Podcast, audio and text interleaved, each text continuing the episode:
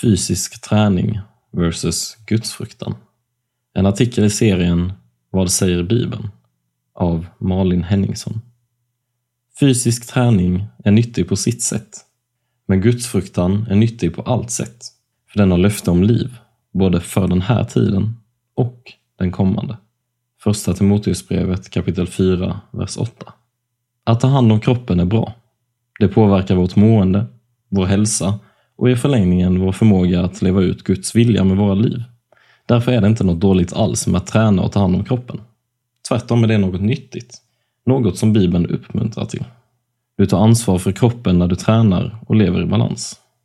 Samtidigt ligger inte fokus, varken i den här versen eller i Bibeln generellt, på att vi ska ta hand om kroppen. Istället betonas gudsfruktan. Vad är det för något? Gudsfruktan kan uttryckas som att man lever med både en bävan inför Guds helhet och en tacksamhet över hans nåd.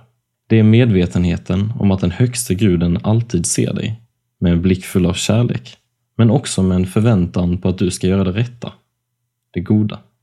Gudsfruktan får dig att inte fuska på ett prov, även när ingen märker det, att sluta köpa barnbiljett när du passerat åldersgränsen och att på andra sätt göra det rätta, oavsett om du får ut något av det eller inte. Varför skulle gudsfruktan vara bättre än fysisk träning? Versen förklarar det ganska simpelt.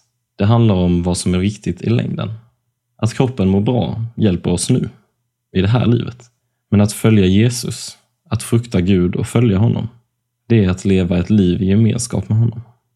Och det livet tar inte slut när kroppen dör, utan fortsätter i evighet.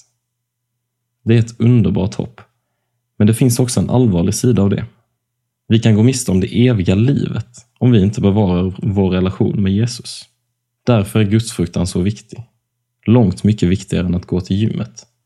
För att växa i gudsfruktan behöver vi därför låta Guds ord forma oss och prioritera tid med Gud i vardagen. Bibeln är så härligt nyanserad ibland. Den sätter det där med kroppen i perspektiv. Visst är det bra att vårda kroppen, men det är absolut inte värt att ha som prio ett i sitt liv. Båda dessa saker kan vara sanna samtidigt och vi får öva oss i att ägna kroppen en del tid och uppmärksamhet för att vi ska må bra, utan att det tar över. Det är faktiskt mycket viktigare att ha det rätt ställt med Gud och att leva med Guds vilja för ögonen varje dag.